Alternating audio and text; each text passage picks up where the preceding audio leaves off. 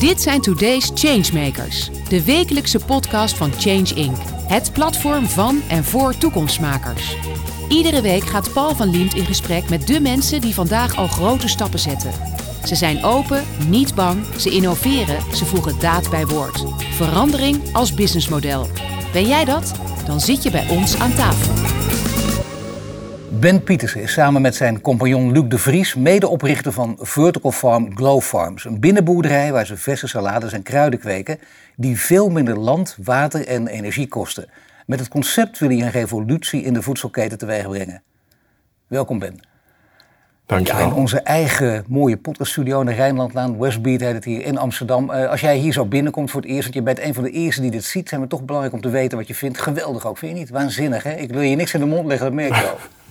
Nee, het ziet er echt heel mooi uit. Ja, het, is, het is echt uh, indrukwekkend. Ja. Het is in opbouw, maar zo hoort het ook. Hè, want zo werken wij ook. Het wordt steeds beter en mooier wat ook. En jij hebt er ook heel veel zin in volgens mij. Want je hebt een waanzinnig verhaal te vertellen. Het is, het is een revolutionair verhaal, zeg ik in mijn inleiding. En dat vind ik altijd mooi mee oppassen. Kun je niet te snel vertellen, maar dat gaan we zo meteen waarmaken. Ja. Maar eerst, zoals we altijd beginnen, met de actualiteit. Wat, wat is uh, voor jou de actualiteit die is opgevallen afgelopen week? Um... Nou, iets, iets wat steeds belangrijker wordt, en dat is niet alleen nu, maar er, komen steeds meer uh, redenen om, om na te denken over lokale uh, voedselvoorzieningen. En het, het um, zelfstandig produceren van genoeg voedsel. Denk maar nu bijvoorbeeld aan de, de oorlog in Oekraïne.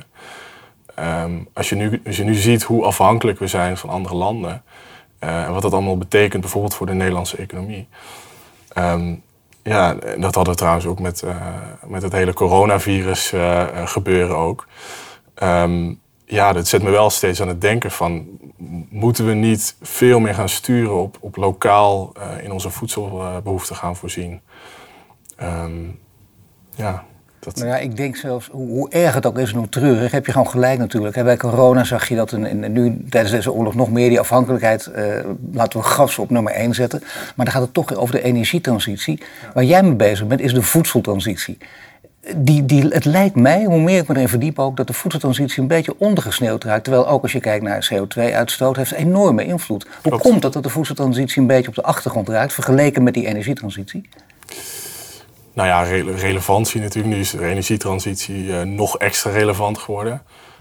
Um, maar ik denk dat het ook. Um, het komt ook gewoon doordat, doordat we altijd ervan uitgaan dat we genoeg voedsel hebben in Nederland. Ik, ik denk dat we wat dat betreft gewoon heel erg verwend zijn. Want we hebben gewoon een heel goed tuinbouwsysteem, uh, netwerk eigenlijk in Nederland. En we hebben nooit problemen gehad met voedseltoevoer. Um, maar maar daar moeten we niet te veel van uitgaan. We moeten niet te veel uh, denken dat het de komende 30 jaar ook zo zal zijn. Want er verandert gewoon een heleboel in de wereld. En ik, ik denk wel dat we steeds meer moeten gaan kijken naar uh, wat verandert er dan en hoe kunnen we zorgen dat we over 30 jaar alsnog uh, gezond en lekker voedsel kunnen blijven eten. Ja, maar dat is goed dat je het zo zegt. Want ik denk dat de boodschap in het verleden, misschien twee, drie jaar geleden, minder zou zijn overgekomen. Denken mensen, ja, het zal wel, het geloven niet, alles komt wel goed. En nu zien we het omgekeerde, alles kan misgaan. Dat is een totaal andere mindset heb je nu gekregen. Ik merk aan mezelf ook. Altijd kon je het wegrelativeren. Het zal wel meevallen. Het is niet meer zo. Dus het is in die zin ook, maakt jouw boodschap helder en duidelijker.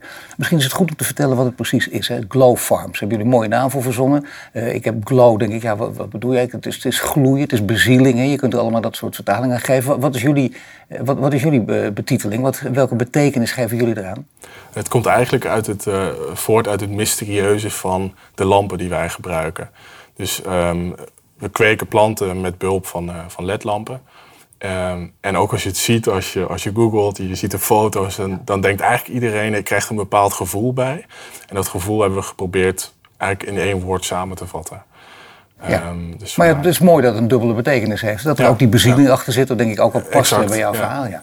Um, het, is een, het is een binnenboerderij. Uh, het, het, gaat iets, iets waanzinnigs opleveren als het goed is. Hè, wat ik zei, veel minder land, water en energie gaat het kosten. Maar uh, voor mensen die het niet kennen en die niet op Google hebben gekeken, die zich er niet in verdiept hebben, zou je het in een paar zinnen kunnen omschrijven wat het precies is wat je doet? Wat is je concept? Ja, zeker. Um, vertical farming, uh, zoals het vaak genoemd wordt, verticale landbouw, is eigenlijk het, het volledig gecontroleerd telen of kweken van planten. Um, in ons geval dus eetbare planten. En uh, daarbij kunnen we dus alle omstandigheden die invloed hebben op de groei controleren. Dus dan heb je het over licht, over het klimaat, over water inderdaad. eigenlijk al, al die elementen. Ehm, dus het is een gesloten systeem, maar dat betekent ook dat er niks verloren gaat. Dus we kunnen eigenlijk nagenoeg alles kunnen laten circuleren. Ehm, we hebben geen uh, pesticiden of dat soort dingen nodig, omdat er dus geen beestjes eigenlijk binnenkomen. Het is een gesloten ruimte. Ehm, en op die manier zijn we veel beter bestand tegen ja, de, nou ja, de ontwikkelingen in de toekomst. Bijvoorbeeld met klimaatverandering. Want klimaatverandering heeft een enorme impact natuurlijk op, op die voedselproductie. En op ehm, het continu kunnen produceren van een bepaalde kwaliteit voor een bepaalde prijs. Nee, dus minder land en water is heel prettig. Eh, ook eh, met energie en pesticiden is ook een hele belangrijke. Goed dat je die erbij vermeldt. Uh, ik denk dat er ook nog iets anders bij komt, namelijk uh, je hebt uiteindelijk te maken, ik las het in de reportage bij ons, uh, Change Inc., reportage van, van Even Gaar, bij jullie ook, daar ging het ook over de smaak. Zij proefde ook iets. Hè. Je wil weten, basilicum, hoe proeft dat? Is het, want mensen zijn ook heel erg in deze tijd, denk ik, nog meer dan vroeger, met koken bezig, willen weten of het goed en prettig is. En is die smaak volledig anders, een andere smaaksensatie? Moet er nog aan gewerkt worden? Nou, doordat het dus zo'n gesloten systeem is, uh, kunnen we eigenlijk de perfecte omstandigheden meegeven aan zo'n plantje. Uh, en dat betekent dat we ook gewoon kunnen zeggen, nou we zien dat het in uh, Zuid-Italië ongeveer zo warm is, deze luchtvochtigheid, zoveel licht. Nou, dat gaan we eigenlijk nadoen in, in Nederland. En daarmee kunnen ze eigenlijk zorgen voor ja, de smaak zoals je die misschien in Italië gewend bent. Maar dat klinkt bijna te mooi om waar te zijn. Dat betekent dat, als ik het vertaal, dat, dat laten we zeggen, een ervaren chef-kok bijvoorbeeld, of een echte fijnproever, die, uh, die moet blind proeven en die proeft het verschil niet. Um, nou, het is natuurlijk wel. Uh, smaak is altijd iets subjectiefs. Dus um, het, blijft natuurlijk lastig om te zeggen: dit is super lekker en dat niet. Maar wat wel belangrijk is, we kunnen aan heel veel knoppen draaien. Dus we kunnen eigenlijk de smaak zo uh, sturen, zeg maar dat, dat we gewoon dat we het afstemmen eigenlijk op, op bijvoorbeeld wat de chef-kok lekker vindt. Maar ja, je weet, laten we, laten we het hoogste niveau nemen, de sterrenchefs en, en de, de sterrenrestaurants. Uh, de tuinbouw heeft er lang aan gewerkt voordat ze eindelijk kruiden hadden die ook geaccepteerd werden in die keuken en daar werden gebruikt. Denk je dat jullie nu al zover zijn dat, dat je in sterrenrestaurants jullie kruiden kunt gebruiken? Ja, absoluut. Ja. Het is eigenlijk een kwestie van uh, iets meer blauw licht bijvoorbeeld, een iets hogere temperatuur. En, en je zit al eigenlijk op het niveau, uh, een intensiteit van smaak, die, uh, die vaak door sterrenchefs inderdaad uh, gewenst is. Nee, maar dat, is heel goed om dit te weten, want dan, dan betekent dus dat je qua smaak al op dat niveau zit. het heeft natuurlijk ook te maken met de afstand en waar je naartoe gaat. Want jullie willen naar de supermarkt, naar de winkel, korte afstanden, dat is ook belangrijk, heeft ook met de CO2-uitstoot te maken. Uh, jullie gaan niet direct, heb ik begrepen, anders moet je mij ook corrigeren, maar jullie gaan volgens mij niet direct naar supermarkten. Eerst naar de groothandel en vervolgens naar de retailer. Uh, we willen ook gelijk naar de retailer, dus het is niet dat we dat niet willen. Uh, maar we zien dat in Nederland de, de, ketens eigenlijk op een bepaalde manier in elkaar zitten. En, en dat zijn we nou eenmaal zo gewend in Nederland. En het is de snelste route om, om eigenlijk producten te kunnen leveren, is op de manier zoals het nu al gaat. Dus via de, de handelaren en, nou ja, de, de standaard kanalen. Um, maar uiteindelijk wil, moeten we die keten natuurlijk verkorten. Uh, en het klinkt heel zuur. Ik, ik denk dat de handelaren wel een rol hebben. Dus er, zijn wel, er is wel wat waarde die ze toevoegen. Maar ze zullen gewoon eigenlijk moeten gaan kijken naar uh, een, een, andere manier van zaken doen, denk ik. En uh, ze zullen meer ons moeten faciliteren om het, om het product bij de retailer te krijgen. Ja, en dit is een hele moeilijke boodschap. Hè, deze, want die handelaren met name, dan kun je zeggen, daar, daar, gaat het niet om. Je hebt een andere missie natuurlijk, maar die handelaren zijn wel een belangrijk onderdeel van die keten. En die, die, die denken, wacht, zijn er lastige tijden. En ja. daar, daar gaat letterlijk onze handel. Ja, ja. En dat, is ook, dat zijn hele moeilijke gesprekken, want we zijn met ze in gesprek. Het zijn onze, uh, of we leveren eigenlijk product aan ze. Um, en... Um, ja, tegelijkertijd weet je dat hun positie wel onder druk staat. Dat realiseren ze zichzelf ook. Um, en eigenlijk moet je daar samen dan een weg in zien te vinden, zodat zij, niet, zodat zij nog bestaansrecht hebben. Ehm, maar, maar dat de keten ook gewoon zo duurzaam mogelijk wordt. Ja, dit zo is, dit simpel is- mogelijk. Nee, je zegt het heel netjes, maar het is natuurlijk ook disruptie. We zien het op veel meer terreinen. En dan, dan schrikken degenen die, eh, ja, die, die de aanval eh, van voren of van achteren krijgen, of via de flanken nog erger. Want dan hebben ze geen idee waar het vandaan komt. Die schrikken zich kapot natuurlijk. En dan zeggen ze vaak, is één mogelijkheid. Eh, wij moeten een, dat kan ook, hè, dat zie je bij boeren ook. Een, laten we zeggen, een, een, een transitieperiode. En die moet betaald worden, die periode, door de overheid. Dan gaat er dus weer bakken subsidie op. Denk je dat toch dat de oplossing zou moeten zijn, of niet? Er is zeker weten een hele een flinke transitieperiode nodig. Want we zien gewoon dat. De, je- kan nu niet zeggen. we gaan alle retailers in Nederland bevoorraden. eh, eh, en klaar. Want zo zit de keten gewoon niet in elkaar. Nee. Dus dat, dat kost jaren voordat we daar zijn. Ehm, maar het is eigenlijk onvermijdelijk. Dus het gaat plaatsvinden. De vraag is hoe snel.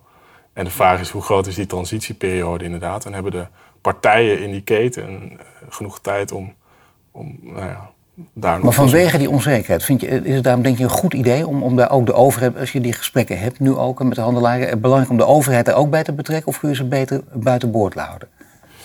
Dat is een goede vraag. Ehm, ik, ik, ik denk, kijk, de overheid heeft natuurlijk een rol in, in de zin van. eh, eh, als in één keer een hele sector overbodig wordt, dat is echt een flinke klap voor de economie Ja. natuurlijk. Ehm, dus ik denk dat de, dat de overheid er zeker een, eh, in, moet, in zou moeten meepraten en een rol in heeft. Ehm, ik zie alleen nu nog niet heel erg veel ehm, eh, nou ja, activiteit vanuit de overheid op dat gebied. Dus ik, ik, ik heb nog niet het, het gevoel dat ze daar heel erg mee bezig zijn. Eigenlijk. Nee, en dat zou misschien wel moeten, want met name als je het in het groot ziet, de tuinbouw natuurlijk. Nederland was daar jarenlang heel trots op. Die hebben natuurlijk ook weer stappen gezet in het verleden, moeten ook mee met deze tijd. Ik weet ook nog, de buitenwereld kwam hier kijken, de Chinezen ook. Hoe doen jullie dat? Wij willen dat, eh, nou laten we het plat gewoon zeggen zoals de Chinezen vaak doen. Gewoon kopiëren, meenemen en jatten. En dat, dat, die wereld, ook die wereld gaat dus in een enorme versnelling en gaat veranderen. Straks komen de Chinezen eh, bij, bij jullie kijken, Klopt. bij Glowfarm. En dat is inderdaad, eh, dat is eigenlijk de realiteit. Er gaat een heleboel veranderen ook in die wereld. We zijn nu nog volgens mij nog steeds de grootste in landbouwtechnologie. En eh, ik dacht de tweede op het gebied van eh, landbouw, export in, in, in het algemeen. Ehm, maar, maar die positie komt wel onder druk te staan als we bijvoorbeeld in Amerika en Azië gewoon enorm met eigenlijk de volgende stap, dus geconcentreerde en super duurzame voedselproductie. Eh, al- als ze daarmee aan de slag gaan in, in die eh, regio's en landen, dan verdwijnt in één keer een hele grote exportmarkt voor Nederland. Eh, of verdwijnt, maar dan, Nederland zou erin mee moeten gaan in die groei. En dat zie je wel hier en daar. Dus je ziet wel bijvoorbeeld dat Nederlandse technologie in Amerika gebruikt wordt of in China. Maar we moeten, er wel, we moeten echt zorgen dat, dat, nou ja, dat we eigenlijk mee kunnen met die groei inderdaad. Natuurlijk. Nou is wel de volgende stap eh, dat je ook kijkt als je zegt eh, dit kan niet anders, begrijp ik toch wel uit jouw verhaal. Eigenlijk uit de achtergrond die ik ook lees. En eh, daarom noem ik het woord disruptie ook hoe, linksom of rechtsom. Het gaat gewoon die kant op. Daar moet je rekening mee houden. En bovendien, je missie wordt er ook mee voltooid. Dat heeft te maken met bovendien met, met alle doelen die we halen. 2030, 2040. Ik ga dat hele rijtje niet herhalen omdat het bijna te saai wordt. Maar dat weten we inmiddels. Die doelen moeten gehaald worden. Dat gaat op deze manier nog sneller en beter lukken. En bovendien is dit de toekomst, ook van de voedselvoorziening. Nu zie je wel iets anders. Je hebt natuurlijk ook met concurrenten eh, binnen je eigen sector te maken. Hè. De andere, eh, er zijn andere changemakers die ook eh, prachtige namen hebben, zoals Growy bijvoorbeeld. Hè. Wa- Wat is het verschil tussen die, die verticale binnenboerderij en die van jullie? Ja. Ja, allereerst misschien nog. Het is inderdaad zo dat dus de wereldbevolking stijgt. Of, eh, het- in 2050 hebben we straks eh, 10 miljard mensen op de Ja. aarde. En eh, tegelijkertijd wordt het steeds lastiger om voedsel te produceren. Dus we moeten wel. We moeten wel naar extra efficiënte en duurzame manieren toewerken om, om al die mensen te kunnen voeden. En ik denk dat vertical farming en verticale landbouw daar een deel van de oplossing in, eh, in kan zijn. Dat, dat, dat staat eigenlijk wel vast. In, in Nee, het zou te groot zijn om te doen alsof dat de oplossing maar wel een belangrijk deel van de oplossing. Daarom zeg ik, het gaat onherroepelijk die kant op. Ja. Maar ja, dan jullie eigen sector, de, de Ja. concurrentie onderling. Ja, dat is inderdaad. eh, het zal alleen maar meer worden, want je ziet gewoon. eh, zes jaar geleden, toen ik hiermee begon, was er veel minder aandacht voor. En was er veel meer, meer ehm, kritiek eigenlijk nog. En dat is, dat is geleidelijk aan echt veranderd. Ik, ik merk nu al om me heen dat heel veel jonge mensen zijn ermee bezig. De ene na de andere start-up eh, is aan het on- ontstaan. Ehm, nou is het in Nederland wel iets lastiger, omdat de markt gewoon wat lastiger is. En we hebben een hele goede tuinbouwsector. Maar we hebben in Nederland op dit moment, ik, ik denk een stuk of vijf con- concurrenten, zeg maar. Ehm, waarvan sommigen wel wat anders doen dan wij. Dus je hebt heel veel verschillende concepten. Maar kun je zeggen wat jullie anders doen? Laten we zeggen, laat ik het tot de changemakers met, met, de mooie namen, die van jullie en, en Growy. Ja. Die twee, wat, wat, is het echt het verschil? Want er zijn twee in het oog springende ook. En wat is anders? Ehm, de technologie om, als, als eerste. Dus wij, wij kweken eigenlijk in een hele grote lopende band. Uh, dat zou je eigenlijk moeten zien. Maar het, het is een, een, een, lopende band van, van twee meter breed, vijf meter hoog en uh, tientallen meters lang. In een loods in de stad? Of dicht bij de stad. Ja, ja dat dus, ja. ja. Um, en, um, en normaal gesproken moet je bij vertical farming denken aan een soort rekkensysteem. Dus lagen waar lampen in hangen. En dan groei je dan die plantjes onder. En dat zijn meerdere lagen boven elkaar. Van een soort hembenkwekerij. Verticaal. Ja, ja. ja, een beetje wel. Ja. Um, en, wij hebben dat, daar dus een hele andere uh, ja, draai aan gegeven, zeg maar. Um, dus bij ons is het eigenlijk, we zetten in het begin van de lopende band zetten we de kleine plantjes in. En aan het eind komen ze er volgroeid uit. En onderweg krijgen ze dan uh, water, uh, licht, voeding, nou ja, eigenlijk alles wat ze nodig hebben. Um, en dat werkt eigenlijk heel goed. ja. Zo goed dat anderen denken, wacht even, het is echt heel goed, dat moeten wij misschien wel gaan overnemen. Want als ik het goed begrijp, maken jullie nu, of je gaat nog meer gebruik maken van artificial intelligence, machine learning, ook hebben we toch een beetje containerbegrippen die iedereen overal ja, opplakt. Maar uiteindelijk komt erop neer dat, je, dat het allemaal uit zichzelf gaat. En dat het letterlijk de lopende band is dat je ook geen mensen bij nodig hebt. Of misschien in plaats van tien heb je er eentje nodig. Ja, precies. Maar waarom nemen anderen dat systeem van jullie niet over? Of is het zo geperfectioneerd, zo ingewikkeld dat het niet kan? Er zit een heleboel uh, denkwerk achter. Het zijn concepten die uh, bijvoorbeeld een, een, lopende band die vijf meter recht omhoog en omlaag gaat. Nou, dat gebruiken ze nergens anders. Dus daar moet je, daar moet je gewoon een heleboel zelf ook uitvinden, conceptueel gezien, om, om tot zo'n eindresultaat te komen. Um, dus daar hebben we al heel veel werk in gedaan en we zijn er nog steeds mee bezig om dat te perfectioneren. Uh, ik denk dat dat voor veel mensen al een drempel is. En ook als je echt ingaat op de technische details. Dus we gebruiken een aeroponics systeem. Dus we kweken met mist in plaats van met water. Um, dat is vaak ook een beetje uh, nou ja, eng voor sommigen. Um, omdat het wat onbekender is. Uh, men denkt dat het heel uh, onderhoudsgevoelig is op, op onderhoudsgebied. Um, wij zien eigenlijk dat dat heel erg meevalt. En, wij hebben eigenlijk de keuzes gemaakt die passen bij ons systeem. en ik ik denk dat het heel lastig is voor een ander om het één op één te kopiëren. Er zit gewoon al jaren aan. aan Zelfs voor Chinees, die bij jullie lang zouden komen, die daar echt uh, zeer bedreven in zijn, zou het heel lastig zijn om dit zomaar over te nemen.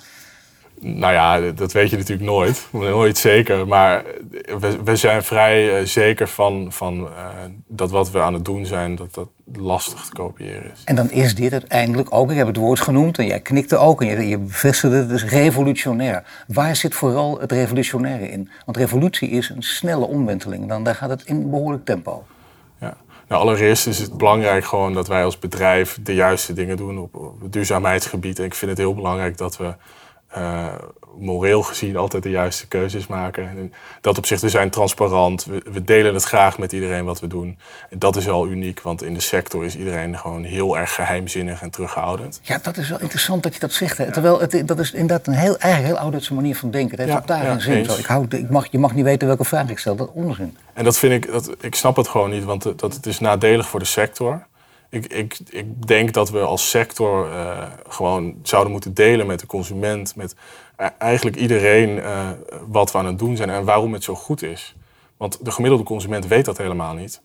Um, en wij hebben er alleen maar baat bij als die consument dat wel weet. Nou ja, wat je doet is uiteindelijk leidt het dus tot veel minder CO2-uitstoot. Al die doelstellingen die gehaald moeten worden, haal je ook hier uit. Maar bovendien, uh, ja, het hele grote doel, de echte missie is natuurlijk letterlijk het wereldvoedselvraagstuk oplossen.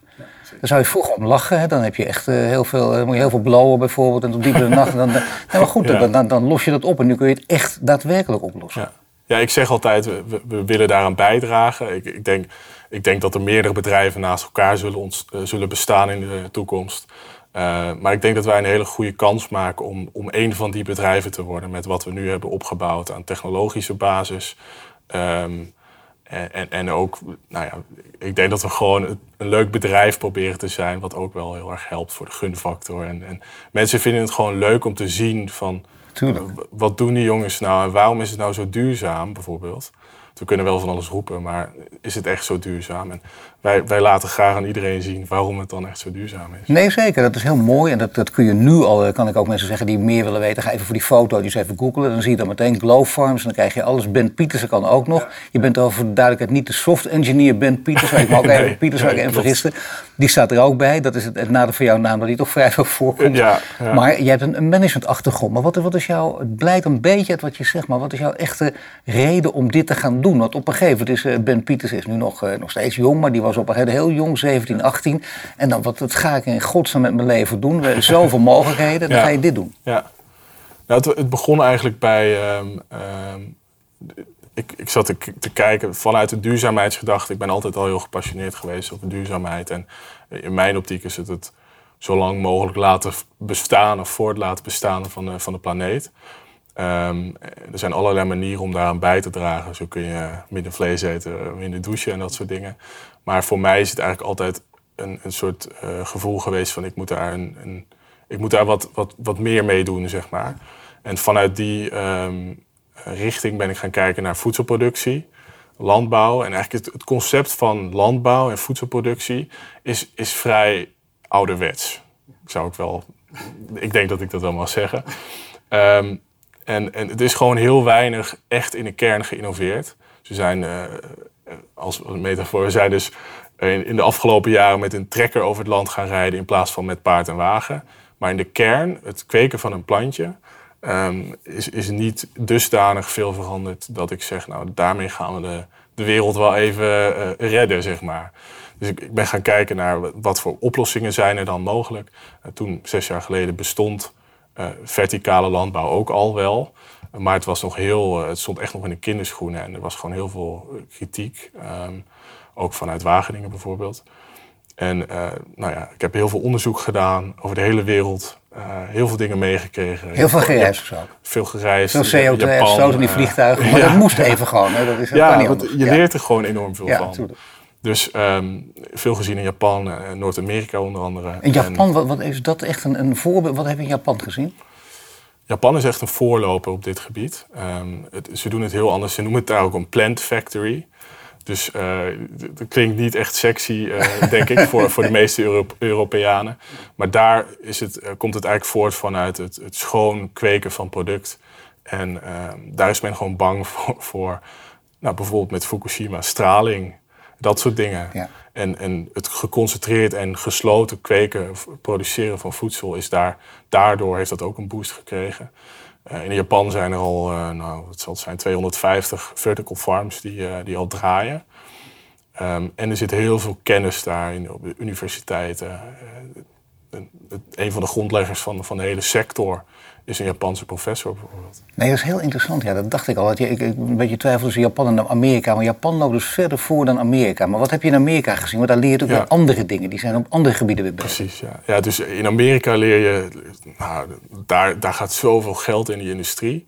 Dat is echt nou ja, typisch Amerikaans. Heel ja. veel marketing, heel veel roepen en schreeuwen. uh, daar heb je heel veel geld voor nodig. Um, ik weet niet of dat de meest efficiënte manier is om het te doen. Um, maar het is wel heel erg populair aan het worden daar.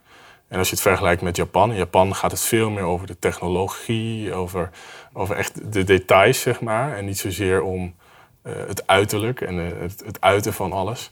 Maar die twee dingen, dat zijn wel dat, dat, is allebei belangrijk om wat van mee te krijgen. Ja, dat is heel mooi dat je dit op zo'n reis ook ziet daadwerkelijk wat er gebeurt. En dan begrijpt dat je uh, ja, best wel boos wils moet uh, pakken natuurlijk. Want ja. dat schreeuwen is ook belangrijk. Ik lees ook van die zinnen als, kijk, je wil je, je eigen product aan de man brengen. Dan zou je inderdaad kunnen gaan roepen. Uh, dat vind ik een hele mooie ook wel. we zijn de oostlief van, van, van het groenteschap. Ja. En dat is de, de, de, de, Zweedse havenmelk. Ook zeker bij jonge generaties steeds populairder. En dat soort leuzen werken denk ik wel. Ga, heb, heb je daarvan geleerd? Ik bedoel, want jij lijkt me ook een hele vriendelijke, bescheiden ja. jongen. Maar ondertussen van binnen brandt het. Hè? Je wil echt dat, een heel dat, groot verhaal vertellen. Precies, dat, dat is het vooral. Ik wil, ik wil het liefste dat iedereen daarvan op de hoogte is. Dat ik het verhaal met zoveel mogelijk mensen kan delen. Omdat ik het gewoon zo belangrijk vind. En er is gewoon een, een probleem wat we met z'n allen moeten gaan oplossen. Um, en, en daarbij is de eerste stap gewoon bewustzijn. Ik zie dat, niet, dat heel weinig mensen nog bewust, dat bewustzijn hebben. Um, en, en daarom heb ik het gevoel van, ik, ik moet dat delen met zoveel mogelijk mensen. Een coachingrol ook met mensen, één op één ja. voor groepen. En een van de manieren om dat te doen is inderdaad een soort Oatly-achtig merk op de markt zetten. Ehm, we zijn nog niet de Oatly van het groenteschap, maar dat is wel een van de, een van de dingen die ik wil bereiken. Ehm, we hadden het net over bijvoorbeeld unieke eigenschappen van wat wij doen. Nou, ik denk dat we met onze technologie eh, en, en alle kennis en zo die daarachter zit, een heel eind komen. Ehm, ook met ons businessmodel. We hebben een goed businessmodel. We kunnen eh, geld verdienen met de business. Eh, dat klopt allemaal. Het zijn wat mij betreft de randvoorwaarden. En waar het echt om gaat, is gewoon zorgen dat, ehm, ja, dat wij met z'n allen meer betere toegang krijgen tot gezond voedsel. Nee, en dat het betaalbaar blijft. Dat is, dat is Ja, dat is ook een interessante. Het is ook zelfs nu goedkoop, geloof ik. Als je het zo nu ook in de supermarkt. Maar ligt het, waar ligt het in supermarkten? Ligt het ook bij de grote, bij Albert Heijn, bij, bij Jumbo, bij Lidl? We gaan, we gaan eigenlijk, eh, misschien om iets meer eh, ook inderdaad over onze tijdlijn eh, te vertellen. We, gaan, ehm, we- zijn nu bezig met het, het, eh, het afronden van een investeringsronde waarmee we een, een grotere farm, noemen we het, gaan bouwen ehm, in de regio Utrecht. En ehm, daarmee gaan we echt stappen zetten op, op het gebied van productie en, eh, en in de winkels leggen. Een groot deel daarvan gaat naar handelaren en eigenlijk op die manier. En een wat kleiner deel eh, zullen met ons eigen merk, onze eigen verpakking, hebben we 90% minder plastic, zullen in lokale retailer, eh, ja, in lokale franchise supermarkten met name gaan, eh, gaan leggen. De kartonnen doosjes gebruiken jullie met Ja, een heel klein ja. beetje plastic wat je nog nodig hebt. Maar dat, dat zegt ook al veel, dat je daar ook over denkt. Maar dus nog niet bij Albert Heijn, Jumbo en Nee, Lidl. Want nee, daar moet je, niet. is dat wel toch een ambitie of niet? Absoluut, ja. En ik denk ook dat daar de vraag gaat, gaat ontstaan vanzelf. Dat zie je Ehm, vaak, ja. ja. Het moet gewoon mainstream worden. De interesse is er sowieso, want we, we krijgen enorm veel interesse van allerlei, eh, ja, ook dit soort eh, bedrijven. Ehm, maar vaak duurt het gewoon langer. Dus Albert Heijn zegt niet in één keer eh, van de ene op de andere dag... Nee. nou, we gaan even dat product wat nog Nee. niet echt serieus bewezen is... we gaan dat even in alle winkels neerleggen. Nee, zo dat- werkt het niet. Maar het, is, Nee. het moet mainstream worden. Maar dat zie je toch op alle terreinen. Maar dat is, ik wil wel belangrijk dat je zegt dat dat jullie ambitie is. Want je denkt dus wel heel groot. Hè? Ondanks alle bescheidenheid denk je heel zeker, groot. ja. Ik heb hier een rijtje met, eh, met, met, eh, met landen ook eh, voor me staan. Bijvoorbeeld Japan. Is, is, dat, is dat de enige? Nee, jullie willen nog naar veel meer landen uitbreiden uiteindelijk. Kun je nog een paar andere noemen? Zeker. Ehm, ik, ik denk, kijk, in eerste instantie is Japan iets te ver weg. Dat is niet echt praktisch. Maar het is wel een hele grote markt. Ehm, we kijken bijvoorbeeld naar Scandinavië. eh, Singapore is een hele, een hele mooie. Nou, andere landen in Europa, eigenlijk, eh, alle, eigenlijk heel West-Europa, maar ook bijvoorbeeld wat landen in Oost-Europa zijn best wel interessant voor ons. Ehm, het komt grotendeels ook doordat wij voor een prijs kunnen produceren waarmee we gewoon eh, mee kunnen op de markt. We kunnen de concurrentie aan met, met traditionele telers en dat is gewoon enorm belangrijk om ergens binnen te komen. En heb je het over die investeringsronde. Jullie hebben geld nodig. Eh, Je hebt ook geld nodig voor marketing. En ik las, ik weet niet of het waar is, maar in de verhalen die ik las kwam steeds één bedrag terug, namelijk 3 miljoen. Wat toch een heel bescheiden bedrag is. Dat weten we als we deze wereld bekijken. Dus ik wou dat ik het had, maar ik bedoel, het is een bescheiden bedrag voor, voor, voor een, een, partij die flink groot denkt en, en wil groeien. Zou je niet veel hoger, hoger moeten mikken dan 3 miljoen? 3 miljoen? Eh, dat zou heel mooi zijn. Ehm, het is trouwens 4 miljoen eh, eh, op dit moment. We zijn in de afrondende fase van die investeringsronde. En daarmee gaan we dan die eerste farm, die grote, grootschalige commerciële farm bouwen. En het team flink uitbreiden. Ehm, ik, ik denk, nou ja, het zou enorm mooi zijn als, als dat een, een hoger bedrag zou kunnen worden. Ehm, ik, wat het vooral is, we merken gewoon dat er een, een bepaalde eh, terughoudendheid is bij investeerders, omdat het heel kapitaalintensief is. Ja. Dus wat wij aan het doen zijn, die- farms die kosten gewoon enorm veel geld. En je verdient het wel terug, maar het is alsnog heel veel geld in het begin. Het f- flinke risico natuurlijk. Ehm, en wat dat betreft hadden we meer geluk gehad in Amerika, dat weet ik zeker. daar, daar is het makkelijker om met, met zoiets risicovols geld op te halen. En dat is een beetje wel het, het nadeel in Nederland, dat, dat het ehm, flinke bedragen zijn voor een klein bedrijf. Met hele grote ambities, hele grote plannen.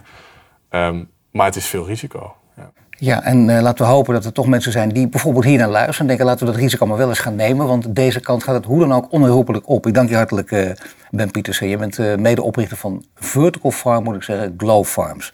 Je luistert naar een podcast van Change Inc., powered by Achmea, Albron, Ebbingen, Newey en Vattenfall. Dank je wel. Bedankt voor het luisteren naar de Today's Changemakers podcast. Een productie van Change Inc. gepresenteerd door Paul van Liemt. Ben of ken jij een changemaker? Meld je dan snel aan via onze Change Inc. website. Wil je dat meer mensen geïnspireerd worden? Deel de podcast dan op sociale media.